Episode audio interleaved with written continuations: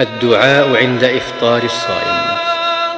يقول ذهب الظمأ وابتلت العروق وثبت الأجر إن شاء الله. ويقول اللهم إني أسألك برحمتك التي وسعت كل شيء أن تغفر لي.